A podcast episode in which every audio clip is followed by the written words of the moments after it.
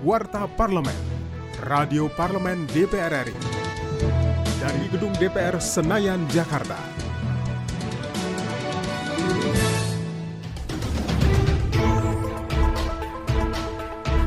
Anggota Komisi 11 DPR RI Amir Uskara menilai sektor pertanian akan menjadi perhatian pemerintah dalam mendorong pemulihan ekonomi nasional pada tahun 2021 mendatang.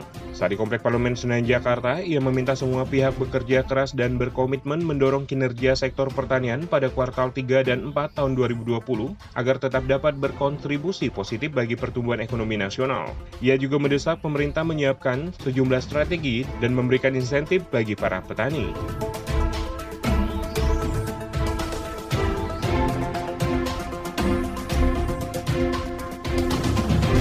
Wakil Ketua Komisi 6 DPR RI Arya Bima mengatakan kontribusi UMKM terhadap produk domestik bruto atau PDB adalah sebesar 57 persen, sehingga kebijakan untuk mengalokasikan anggaran guna penguatan UMKM adalah suatu yang tepat, karena dapat menjadi modal kerja bagi para pelaku usaha. Saat di Kompleks Parlemen Senayan Jakarta, ia menilai uang yang digulirkan bagi UMKM dapat meningkatkan kontribusi, dan hal tersebut diharapkan dapat berdampak positif pula pada pertumbuhan ekonomi.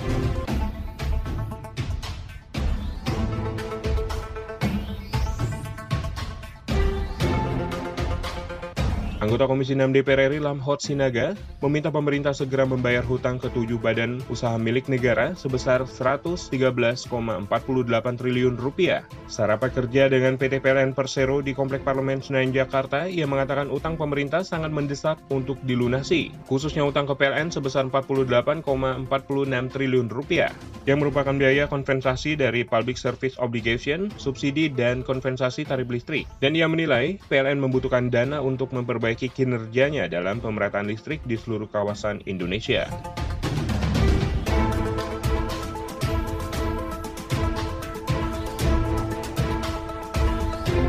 Demikian Warta Parlemen, Produksi TV dan Radio Parlemen, Biro Pemberitaan Parlemen, Sekretariat Jenderal DPR RI. Saya Edu Da Vinci.